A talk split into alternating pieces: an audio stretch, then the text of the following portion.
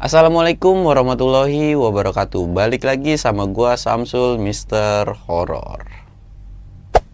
Nah buat kali ini gue minta maaf banget ya nggak ada penonton. Dan gue juga sempet minjem studionya besok pagi nih. Jadi kemarin tuh kan lagi hujan-hujan terus beberapa hari. Dan studio gue tuh kebanjiran. Ya pokoknya lagi diberes-beresin lah. Jadi tolong dimaklum dulu karena kondisi di sana kurang. Ya kurang lah nggak bisa lah. Jadi lagi diberes-beresin sih dan pada kesempatan kali ini gue bakal nyeritain sebuah cerita dari pengalaman gue ketika gue naik Gunung Sindoro nih uh, untuk di awal-awal tahun kemarin 2022 itu dan gue pendakian pada saat itu sama Bang Ale. Sebenarnya pernah gue ceritain sih, tapi gue bakal ceritain lagi ini versi lengkapnya dari gue dan dari beberapa teman-teman ya eh, teman-teman pada saat yang mendaki itu yang ngalamin gitu. Nah buat lu semua yang mau support channel gue jangan lupa subscribe, like, dan komen. Dan buat lu juga yang sering nanyain open trip lu bisa kunjungin ke Instagram gue samsul.1010. Dan gak usah banyak bacot lagi, kita langsung aja ke dongeng horor. Dongeng horor dimulai.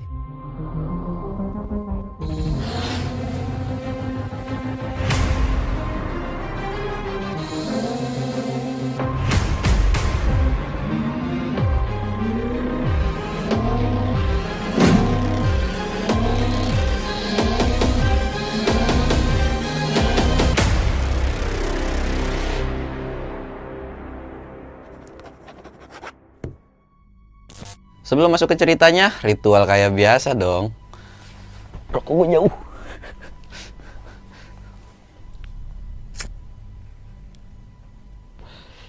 Jangan lupa ngopi biar nggak panik.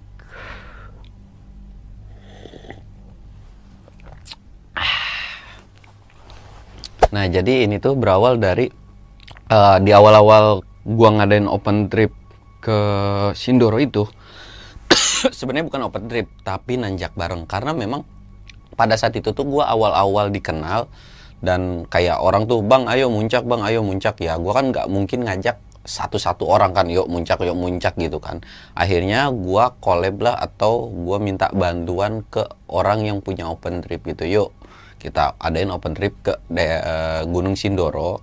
Nanti insya Allah pesertanya gue yang bantu uh, cariin gitu kan dari situ setelah ada kesepakatan akhirnya dibuatlah uh, untuk nanjak bareng ke Sindoro dengan 18 orang termasuk panitia dan salah satunya gua gitu kan. Sampai akhirnya sebelum keberangkatan ke Sindoro, gua tuh ada naik dulu sama tiga orang yang bakalan nanti naik ke Sindoro nih. Jadi ada gua, ada Dedi nih awal mula gua kenal sama si Dedi nih. Gua, Dedi sama uh, Bang Ucup pada saat itu tuh gua mau naik ke Bukit Terung bukit yang ada di daerah Bogor. Jadi uh, sebelum ke Sindoro kita kenalan dulu lah gitu kan ke bukit itu. Dan gue juga belum tahu kan bukit itu. Jadi ya kayaknya seru aja. Ketika gue naik ke bukit itu sebenarnya nggak ada kejadian apa apa di bukit itu tuh.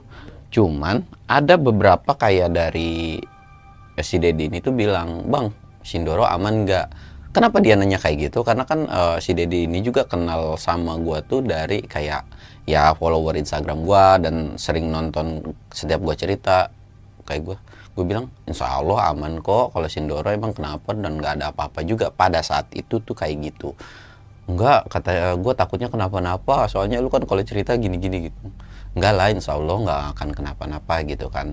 Nah sepulang dari bukit itu gue ngecamp bertiga itu akhirnya gue fokus lagi lah nyari peserta gitu kan. Gue fokus nyari peserta dan alhamdulillah lah terkumpul 18 orang termasuk panitia gitu ya. Panitia 3 eh, berarti pesertanya ada 15 Nah, dari 15 peserta ini, dari 15 peserta ini, gue bakal ngasih tahu orang-orang yang bakalan uh, mengalami kejadian hal yang ganjil itu. Bocil, Dewi, Jabon. Nah, ketiga orang itu dan semuanya tiga-tiganya ini tuh cewek. Dan ketika gue ngadain open uh, nanjak bareng itu, alhamdulillahnya ada salah satu konten kreator yaitu Bang Ale dari Jajak Backpacker itu ikut gitu. Nah, dari situ mereka kan sharing-sharing tuh ke gue kayak mereka tuh uh, semua tuh rata-rata tuh baru baru banget naik gunung. Jadi kayak nanya bang perlengkapannya apa? Perlengkapannya apa? Ya gue juga ngasih tahu yang harus pertama dibawa tuh apa yang paling utama tuh apa dan mereka semua alhamdulillah pada saat itu langsung beli gitu kan langsung hari itu menaik. Ya karena memang mereka niat mungkin jadi mereka semua prepare ya, ya mereka beli gitu ya karena mereka memang udah niat kayak gitu dan beli ya gue sih mempersilahkan. Karena di awal tuh gue perjanjian sama mereka tuh kalau memang lu mau naik gunung lu harus siapin barang-barang yang memang safety buat lu pribadi. Kalau misalkan untuk perlengkapan lu yang lain-lainnya atau perintilan ya mungkin di gua ada. Tapi kalau untuk safety kayak jaket sepatu tas ya lu harus siapin sendiri. Karena kan itu buat tidur lu nyaman dan lain-lain itu tuh buat diri lu sendiri. Kalau gua nggak bisa nge-backup untuk hal itu ya karena mereka nurut ya mereka juga ya dan sempat sih kayak ada salah satu namanya Dewi tuh dia juga beberapa kali pernah naik gunung. Cuman pada saat itu dia nggak ada sepatu. Dia tuh bilang bang gue mau pakai sendal aja ya. Uh, gue sempat bilang ke si Dewi tuh nggak bisa wi kalau lu pakai sendal sorry lu nggak boleh ikut. Kenapa nggak boleh ikut? Karena Sindoro ini kan untuk ke puncaknya tuh batu ya. Jadi kalau misalkan pakai sendal terlalu beresiko, takut lecet dan lain-lain, makanya gue bilang lu wajib pakai sepatu. Kalau lu nggak pakai sepatu, lu nggak boleh ikut. Ya, lu kalau mau ikut silahkan ke trip lain atau ke orang lain, jangan ikut sama gue pada saat itu tuh. Bahkan pada saat itu pun ada satu peserta yang memang prepare-nya kurang, dia tuh jadi semua peserta tuh gue minta untuk yang baru-baru ya, nggak cewek nggak cowok, coba fotoin perlengkapan lu. Ada yang difoto dan ada yang bawa sweater. Sweater biasa buat main gitu kan. Ya gue tahu misalkan lu masih pelajar dan lu belum bisa beli ya oke nggak apa-apa gitu. Gue juga tidak memaksakan lu untuk beli. Tapi kalau untuk sama gue ya udah lu jangan naik gunung dulu. Lu kumpulin atau nantilah tunggu sampai lu bisa kerja lu cari penghasilan sendiri baru lu naik gunung kalau misalkan kayak gitu kan kasihan juga takutnya lu minta sama orang tua dan lain-lain akhirnya gue bilang udah lu nggak usah ikut di next aja pendakian gue baru lu ikut gitu karena perlengkapannya tuh bawa sweater, pakai sepatu pro ATT dan lain-lain. Ya sebenarnya nggak ada yang salah sih. Karena naik gunung itu kalau menurut gue pribadi tergantung dari nyamannya lu. Kayak gue sering pakai lepis ya gue tahu kondisi gue pakai lepis, uh, resikonya apa dan kenyamanan buat gue juga gimana. Ya nggak masalah selama lu bisa ngehandle resikonya. Tapi kalau lu nggak tahu menahu tentang pengetahuannya, ya jangan sekali-kali coba-coba gitu. Nah dari situ setelah udah ke kumpul 18 eh, 18 orang termasuk panitia, akhirnya uh, si bocil ini bilang ke gua, bilang ke gua tuh kayak dia tuh, bang, gua diperingatin sama saudara gua. Kalau dari pos 2 itu bakalan kelihatan, pokoknya intinya ada yang ngawasin dan kayak ada yang nungguin gitu. Sempet dia tuh ngirimin VN-nya dari si saudaranya itu kan dan dikirimin ke gue dan gue bilang wah nggak apa-apa kok. Gue bilang insya Allah aman. Lagian Sindoro tuh cuman halangannya paling babi hutan karena Sindoro setahu gue masih banyak babinya. Di jalur mana pun itu masih ada babinya. Paling wanti-wantinya di babinya doang dan dari situ karena dia udah ngomong kan dan gue juga tidak terlalu bikin dia panik dan lain-lain karena udah teleponan gue juga jadi kepikiran dong kayak kepikiran. Kemarin si Dedi bilang nanya aman atau enggak. Terus sekarang bocil bilang kayak gitu kan.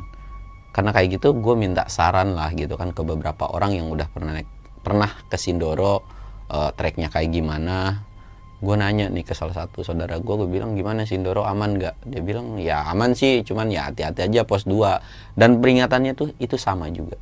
Hati-hati di pos 2 kata gue ada apaan sih anjir di pos 2 ya gue sih bilang ke saudara gue tuh kira-kira gue bisa handle nggak? Gitu.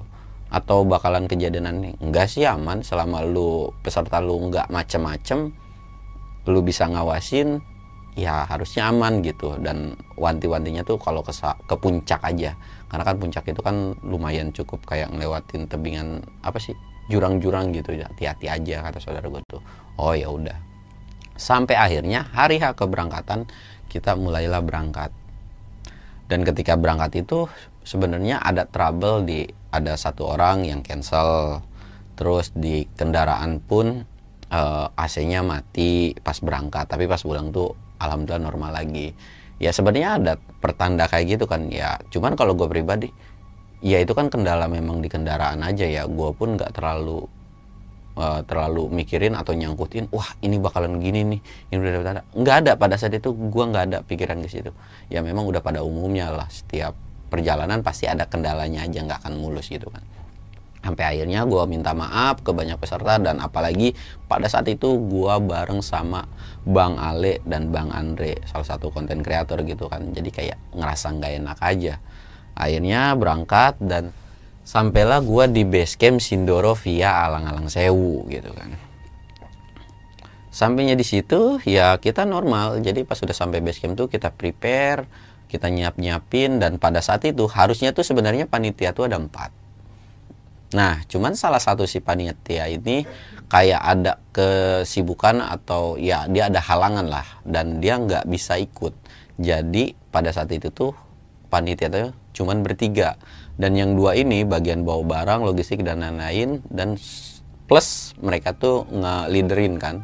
Dan akhirnya kedua orang ini tuh bilang bang lo jadi sweeper mau nggak? Gitu kan. Ya gue bilang nggak apa-apa gue udah biasa di belakang ini karena pada saat itu tuh gue belum terlalu akrab sama mereka. Ya kayak sama si panitia ini tuh gue pernah naik sekali ke Gunung Gede gitu kan. Gue bilang udah kok insya Allah gue nggak apa-apa kalau di belakang. Dari situ awal perjalanan gue mulai itu jadi udah di base camp terus pagi dan gue mulai perjalanan trekking itu jam 8 dan pas via alang-alang sewu ini kebenaran kita sampai pintu rimba itu kita pakai ojek jasa ojek. Ya untuk mempersingkat waktu aja sih jadi kita berangkat dan bercanda-bercanda Bang Ale pun ngevlog gitu kan. Sempet Bang Ale tuh kayak ngomong Bang gimana ada horornya? Nggak ada horornya. Gue bilang kagak ada Bang. Alhamdulillah aman. Karena memang pada saat itu tuh nggak ada apa-apa gitu. Cuman ketika sampai pos 2 sampai pos 2 jadi kan uh, semua juga ngebreak gitu kan istirahat. Sampai pos 2 gua ngeliat jadi kalau misalkan di pos 2 itu kan ada pohon tuh gede. Kita ngebreak di situ. Pokoknya mau arah ke pos 3 itu di samping jalur itu kalau nggak salah ada saung-saungan. Ada saung-saungan jelek.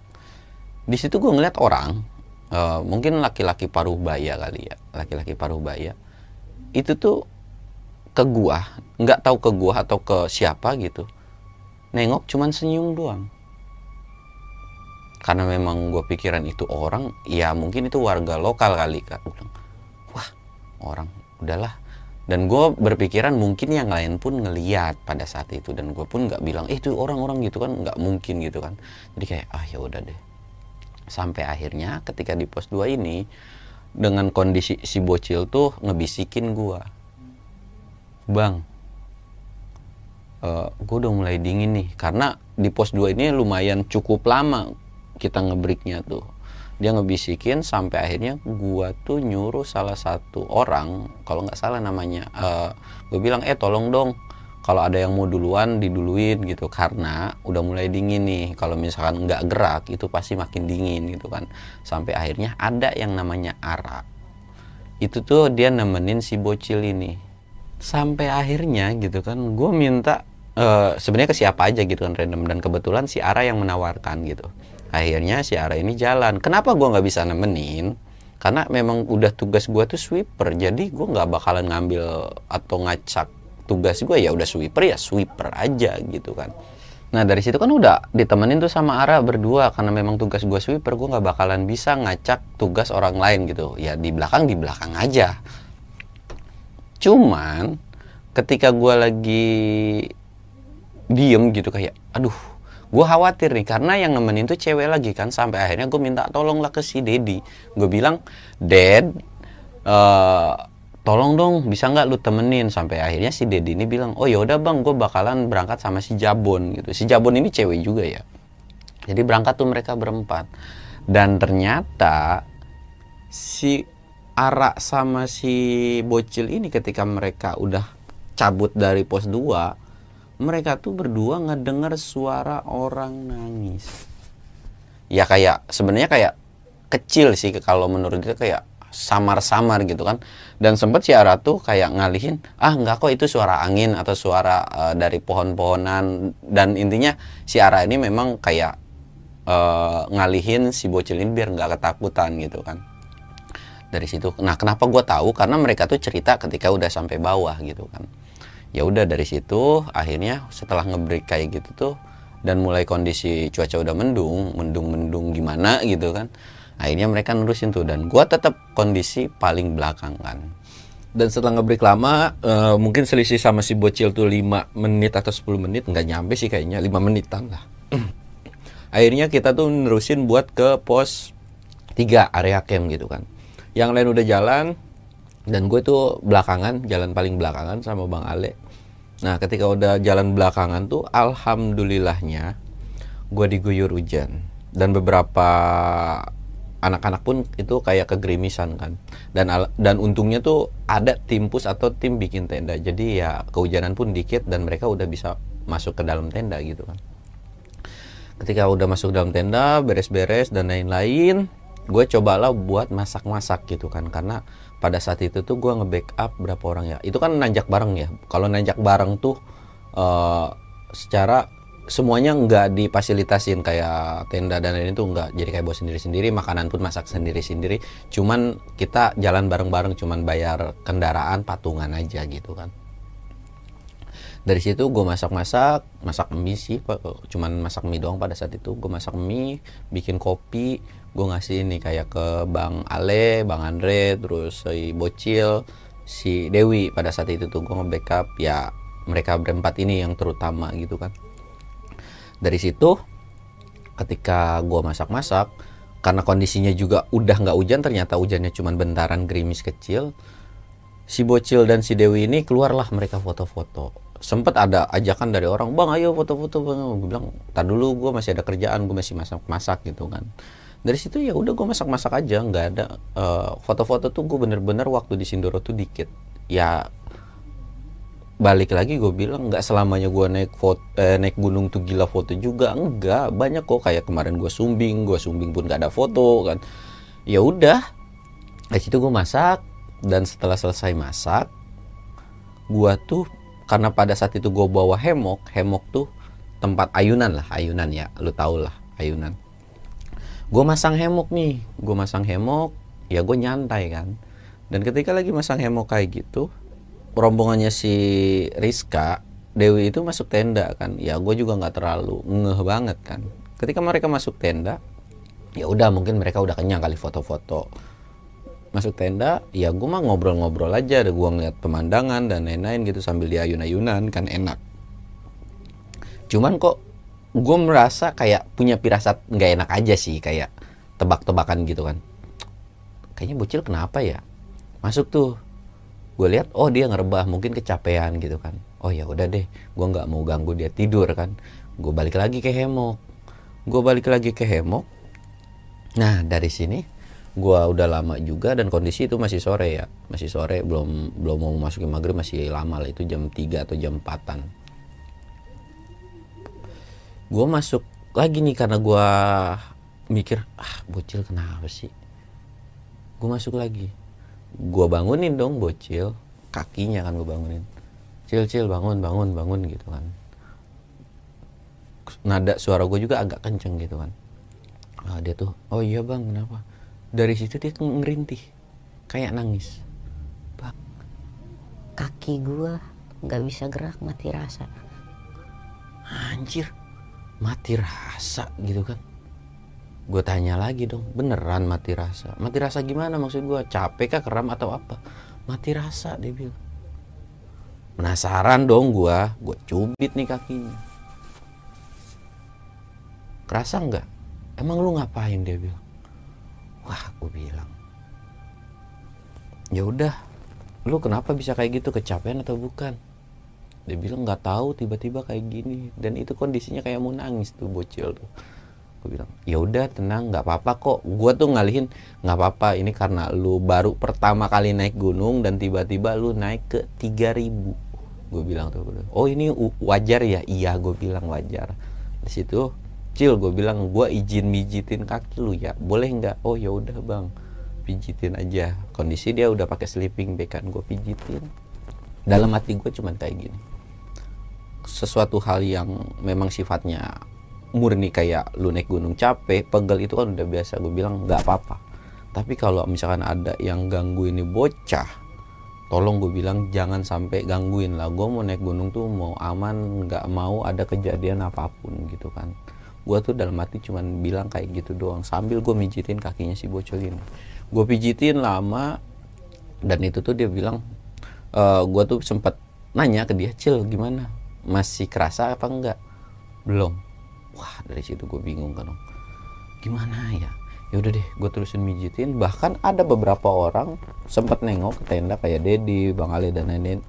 Itu tuh bilang bang gimana dalam aman? Gue cuma jawab insya Allah aman kok nggak apa-apa. Cuman kecapean biasa gue gituin kan gue sautin kayak gitu. Oh ya udah nanti kalau ada apa-apa bilang aja. Iya gue bilang.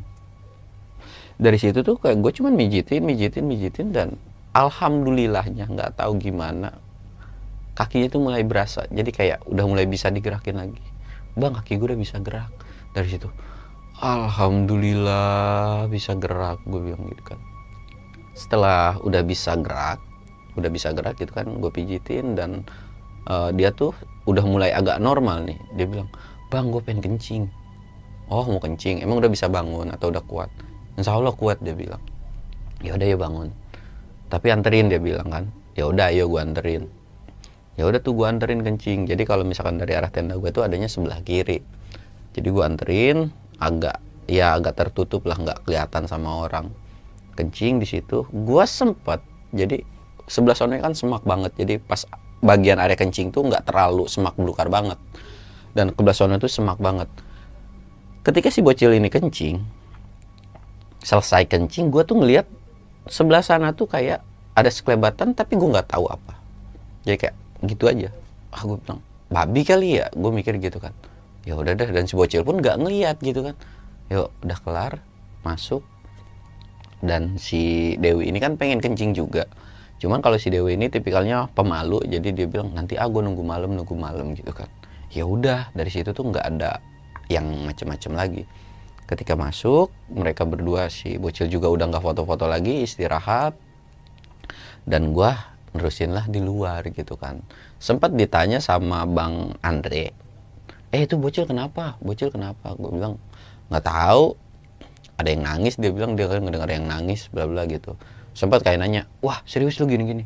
Udah kata gue dari situ gue gua nggak sautin lagi. Karena gue tidak uh, pada saat itu kan semua tim itu baru. Dalam arti ya baru sekali ada orang yang baru sekali menengok sama gue gue nggak tahu karakter mereka tuh kayak gimana. Mungkin kalau sama orang-orang yang udah lama udah tahu sifat gue ya mau bercanda setan ngomongin setan di gunung pun gue nggak ada masalah gitu. Ya ayo ayo aja gitu kan cuman karena mereka baru gue takutnya mereka kesuges dan mereka malah makin takut. Jadi ketika mereka ngomong apa pun ya udah nanti aja di bawah gue ceritain gitu kan. Nah dari situ tuh udah nggak ada obrolan lagi dan setelah lewat maghrib akhirnya gue masuk dong ke tenda kan. Gue masuk ke tenda. Gue masih masuk ke tenda si bocil sama si Dewi. Dari situ tuh si bocil sama si Dewi si Dewi itu bilang bang gue pengen kencing di mana ya si Dewi ini minta antar ke si bocil. Jadi lu tadi diantarin sama bang Samsul di mana? Di sono. Nah si bocil ini sebenarnya udah nolak buat nganterin si Dewi. Udah minta anterin aja sama cowok. Cuman mungkin si Dewinya pemalu. Dia tuh ah gue nggak mau nggak mau. Udah anterin. Akhirnya karena paksaan gitu ya mau lah. Dan gue kasih bekal satu headlamp. Ketika mau nganterin gue udah peringatin nih si bocil. Cil kalau lu bawa headlamp jangan di center kiri kanan fokus ke jalan aja. Tuh gue udah bilang kayak gitu. Iya bang dia bilang kan. Nganterin lah mereka berdua. Ketika mereka nganterin belum sempet kencing itu si bocil ini rusuh teriak dan nyamperin gua. Itu sambil dengan napas terengah-engah kayak kecapean lari kan gua kasih minum dong gua kasih minum. Lu kenapa? Gua ngeliat sosok kayak orang itu ngerangkak. Gue tanya dong sosoknya di mana? Di sono bang di semak semak. Dari situ bukannya ini malah gue tegur dong. Lu kenapa nyenterin kiri kanan? Kan udah gue kasih peringatin jangan nyenter ke mana-mana ya nggak tahu bang. Ya tiba-tiba pengen nyenter ke sono aja. Nah sedangkan si Dewi ini nggak ngelihat apa pun. Wi lu ngeliat nggak? Enggak bang gue nggak ngeliat dan menurut si Dewi mungkin babi. Karena sebelumnya udah gue kasih tahu kalau di alang-alang sewu, sewu itu ada babi gitu kan. Mungkin babi. Dan si bocil ini kekeh. Bukan babi bukan babi bukan babi. Itu tuh kayak orang ngerangkak dan tiba-tiba eh, ke bawah kayak terbang gitu kan. Anjir. Apalagi nih dan pas lagi kayak gitu rame-rame ada beberapa eh, pendaki lain atau ya masih tim kita juga nimbrung apa-apa gini kan. Gue bilang nggak apa-apa kok nggak apa-apa kok. Sampai akhirnya datang lagi lah si Ara. Datang lagi lah si Ara Eh, dia juga pengen kencing dan akhirnya masuk kan ngobrol dulu. Eh gue kencing nih. Wah kebenaran nih Dewi juga mau kencing kan. Akhirnya mereka kencing tuh. Dan si bocil ini dipaksa lagi buat nemenin. Ya udah tuh mereka kencing dengan kondisi satu headlamp lagi punya gua. Mereka kencing dan ke tempat yang sama. Dan pas lagi mau pipis mereka tuh kan gantian katanya si Dewi dulu terus si Ara gitu kan tadinya. Mereka ke tempat semula si bocil ini yang bawa headlamp itu si bocil. Pas lagi bawa headlamp si bocil ini ngelemparin. Udah sampai tempat kencing nih dilemparin ke si Ara. Dan pas ketika dilemparin ke si Ara kondisi si headlamp itu nyinter ke satu sosok itu kayak nenek-nenek. Dari situ mereka lari lagi. Dari situ si bocil bener-bener ketakutan parah. Gua nggak mau lagi gua nggak mau lagi ke situ. Dan ke- pas udah kayak gitu tuh karena memang si Ara ini bawa pasangannya akhirnya kata pasangannya ya udah yuk gue temenin. Karena memang udah nggak kondusif gitu kan dan gue juga ya udahlah kalau ada yang mau nemenin gitu kan. Akhirnya ditemenin lah Dewi Ara sama si eh, pasangannya ini pacarnya si Ara ini gitu kan. Cuman pas udah kayak gitu tuh bukan ke tempat ono lagi karena permintaan dari si Ara gue nggak mau di sono. Cari tempat yang lain lagi pipisnya. Mereka nyari tempat lagi tuh dan pipis gitu kan. Dan dari situ nggak ada ngeliat apa-apa lagi. Nah kelar kan mereka masuk udah selesai pipis kita ngobrol-ngobrol dan si bocil ini dalam kondisi takut gua coba buat nggak nggak terlalu udah jangan dipikirin jangan dipikirin gitu kan nah dari situ tuh gue bilang dong cil kalau ada apa-apa lu bilang aja ya jangan sungkan. Dan gue juga memperingati si Dewi. Lu kalau misalkan ada apa-apa bilang aja wi. Iya bang iya bang. Dan gue pun sempet bilang ke mereka berdua lu besok mau summit nggak? Iya bang mau mau mau. Masa gue udah jauh-jauh ke sini nggak mau summit? Oh ya udah. Kalau lu mau summit lu istirahat sekarang. Mereka istirahat lah. Mereka istirahat karena gue punya eh, beban juga gue bilang gue izin tidur satu tenda sama lu berdua boleh nggak? Ya udah boleh bang nggak apa-apa. Ya udah akhirnya gue tidur. Gue sih pada saat itu gue nggak peduliin omongan orang ngomong A B C D. Gue sih masa bodoh ya. Karena dari situ memang tanggung jawab gue gue yang bawa mereka mereka pun udah nitipin dan dari keluarganya pun nitipin ke gue ya akhirnya ya gue tetap harus kawal gitu kan. Ya semua pun intinya ya gua apa intinya semua p- yang lain nanjak bareng pada saat itu ya semuanya ke handle gitu. Maksudnya gue tanya lu kenapa lu kenapa? Dan mereka tuh aman-aman aja. Cuman si dua orang ini makanya pada saat ini gue cerita akan fokus ke dua orang ini aja gitu.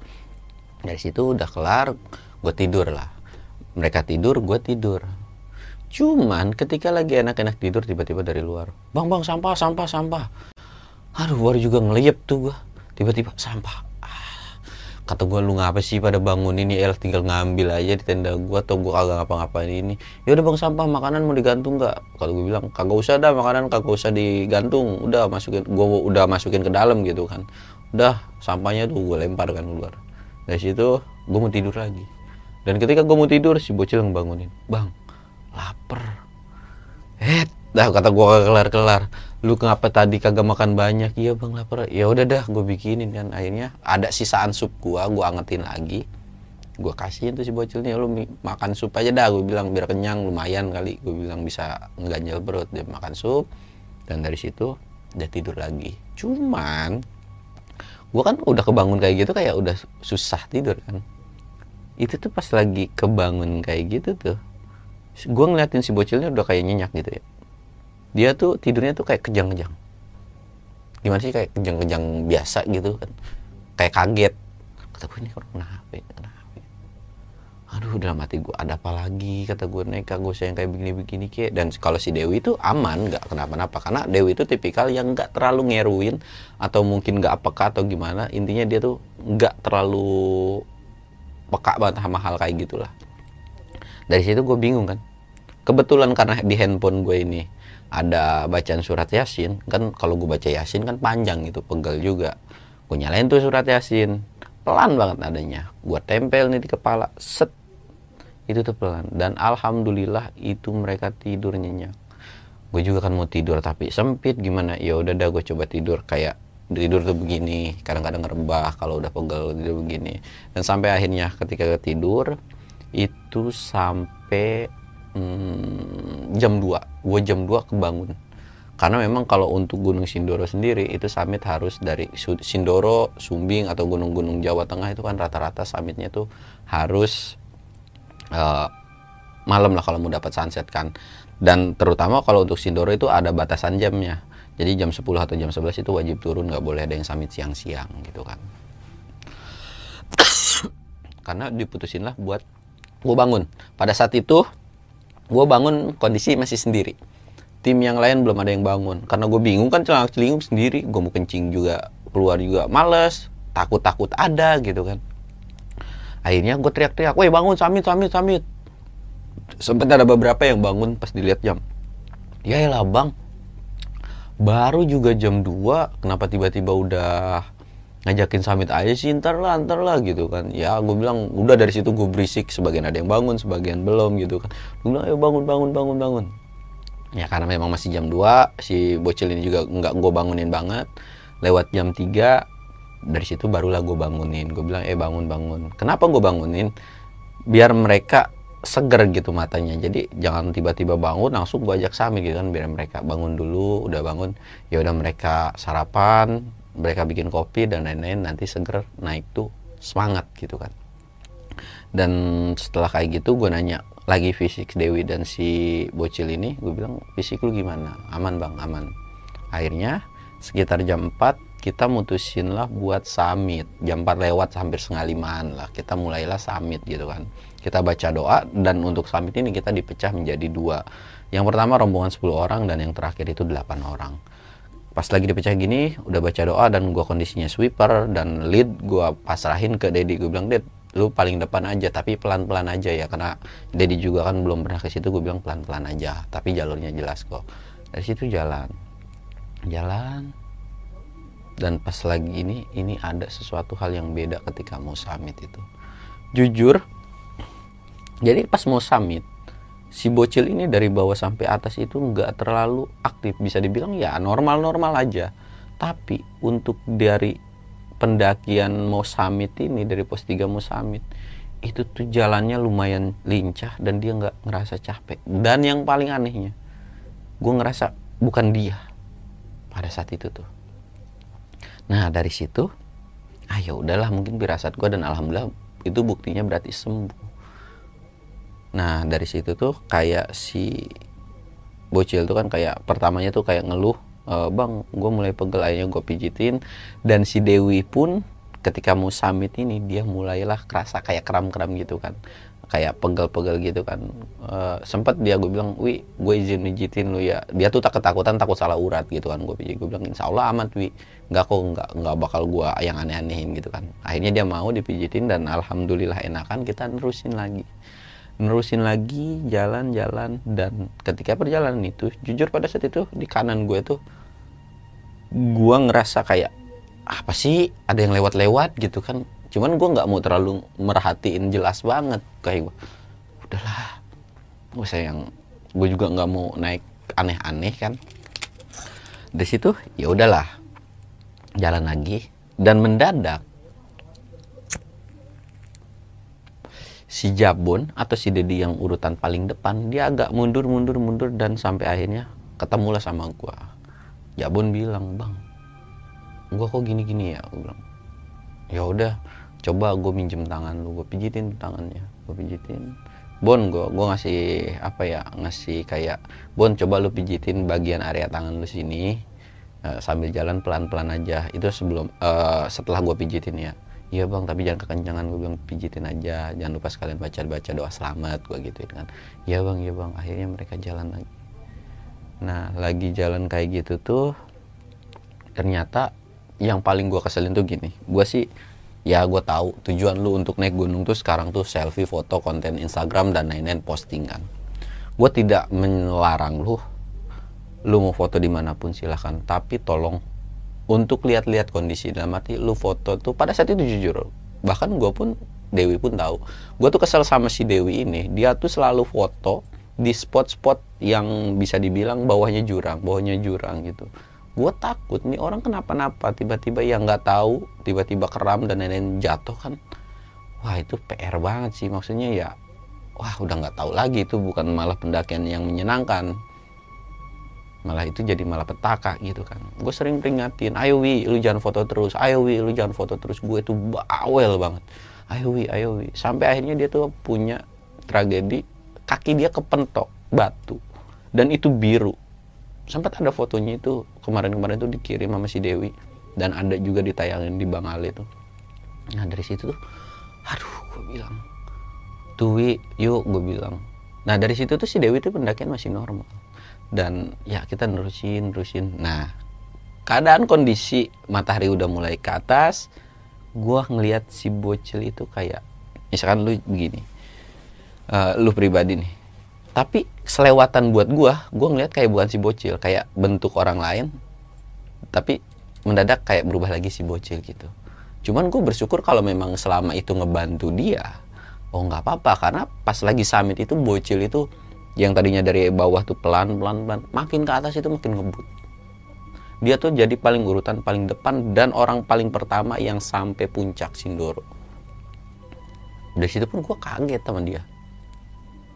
Dari situ wah gila. Ya udah bocil udah naik ke atas kan duluan. Uh, gue tinggal nge-backup Dewi. Dan ternyata pada saat itu Bang Andre pun dia bilang aduh kepala gue pusing nih kepala gue pusing. Ya akhirnya gue juga gue pijitin juga sini bang gue pijitin. Gue pijitin pundaknya karena dia pusing gue pijitin. Dan alhamdulillah lumayan membaik.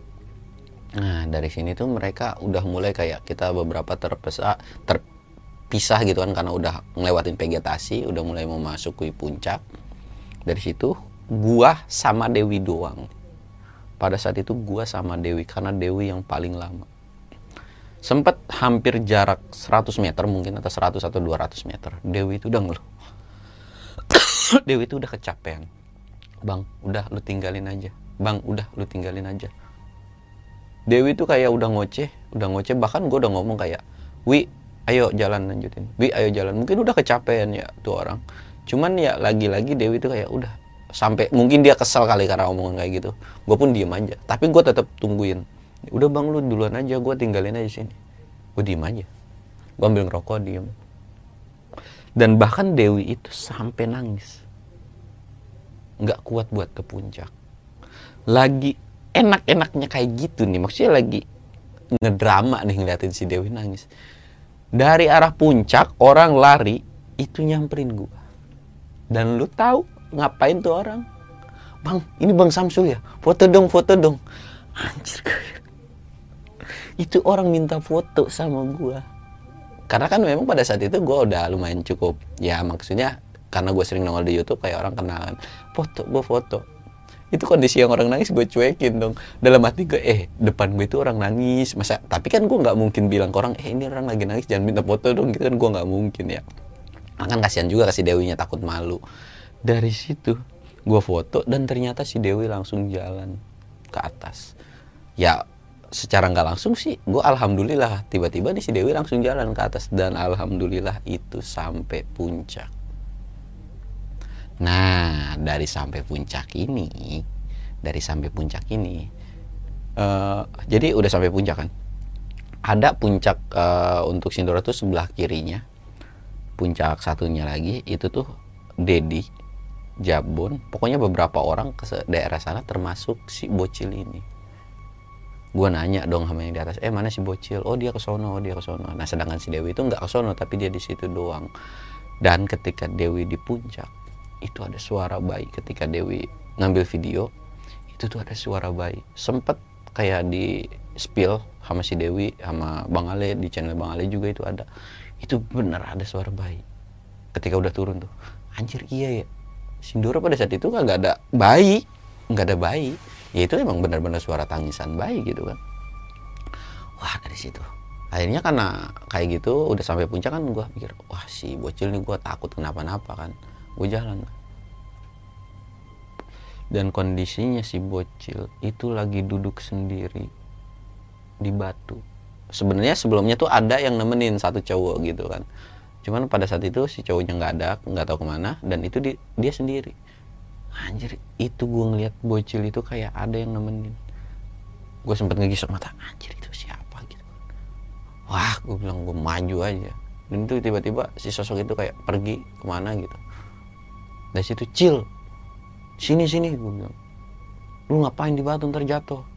Oh iya iya bang enak di sini adem sejuk. Gue bilang lu gue kasih waktu ya 10 menit lu mau foto-foto silahkan gue kasih waktu 10 menit karena mereka udah lama juga di situ.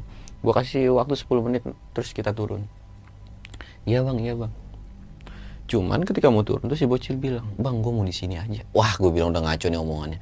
Gue tarik kan udah ayo ayo turun turun turun dan gue juga sempat bilang si Dedi ayo Ded kita turun turun turun. Akhirnya kita pamitan dan turun. Udah lama juga kan dan semua tim tuh udah alhamdulillah udah sampai puncak. Udah foto-foto dan udah kenyang lah intinya udah makan dan lain-lain. Udah kayak gitu turun. Dan pada saat turun pun ya lagi-lagi uh, si bocil ini bener-bener lincah banget dari puncak. Itu lari-lari tuh bocah. Gua aja yang ini ngimbangin dia dan si Dewi pun uh, kondisinya dia di belakang pada saat itu. Di pada saat itu di belakang dia bilang nggak apa-apa bang gue sama bang Ale. Pada saat itu bang Ale mau nge-backup kan oh ya udah kalau mau di belakang. Tapi gue juga nggak terlalu jauh gue cuman sampai area vegetasi gue tungguin lagi si Dewi kan. Dari situ tuh setelah pokoknya intinya udah sampai area camp lagi kita beres-beres. Dan ketika beres-beres uh, kita coba turun.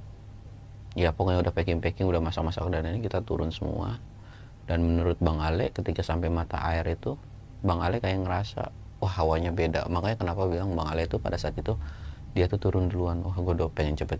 Ya alasannya Bang Ale sih pengen rehat gitu kan. Kita turun.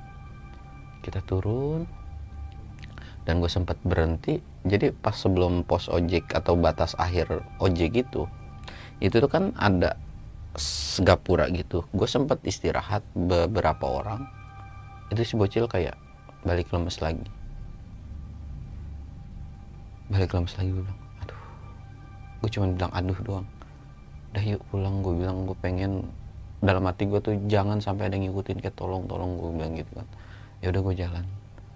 Walaupun gue sempet kayak ah apaan sih? Sebenarnya di depan tuh ada kayak yang jagain cuman gue bilang ah udahlah robos aja selama mereka nggak ngeliat gitu kan. Dari situ sih bocil kayak gue uh, alihin buat nggak ngeliat ke satu titik gitu gitu dari situ jalan udah lewat dan kita sampai base camp. Dan ternyata udah sampai base camp tuh ada salah satu rombongan kita juga dia bilang kondisinya tuh sama di situ dia ngeliat bapak-bapak pakai cangkul atau sosok-sosok yang pakai cangkul gitu. Dan itu bukan manusia kata si orang itu.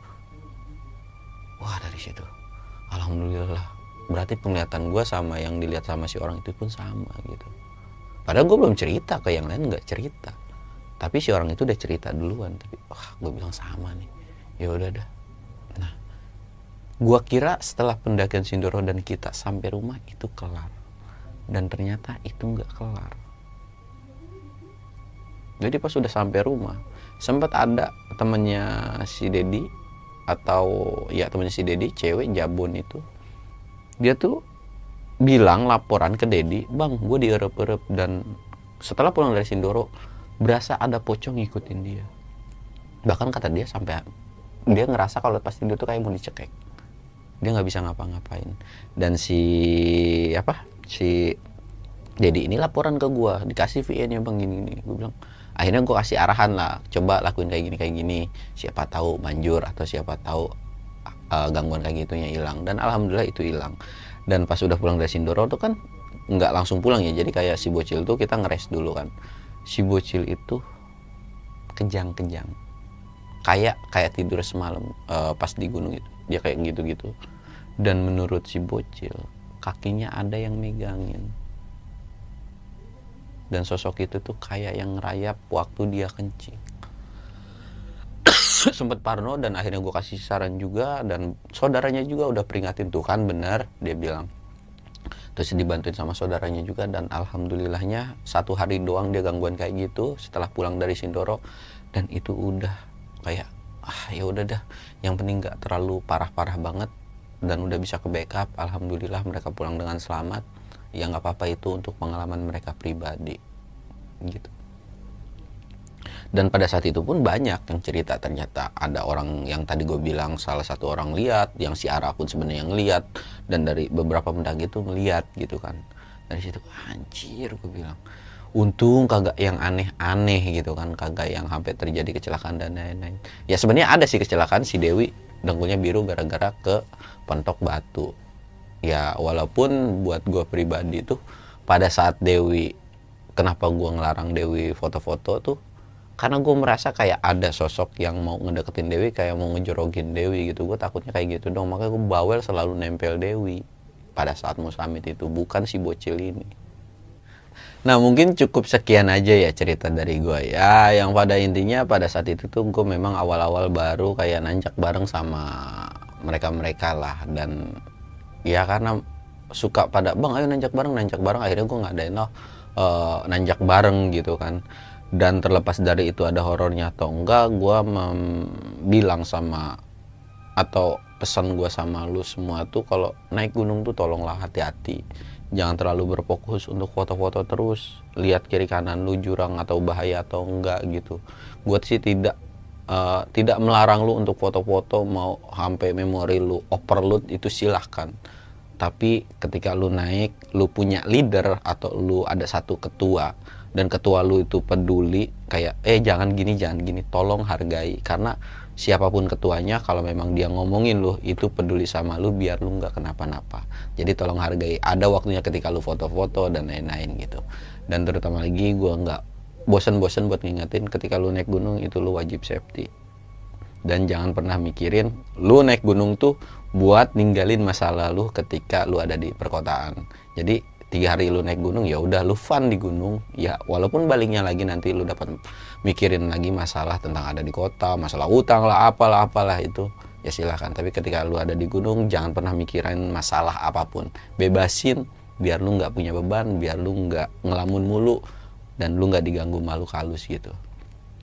Mungkin cukup sekian aja cerita dari gua. Gua Samsul undur diri. Assalamualaikum warahmatullahi wabarakatuh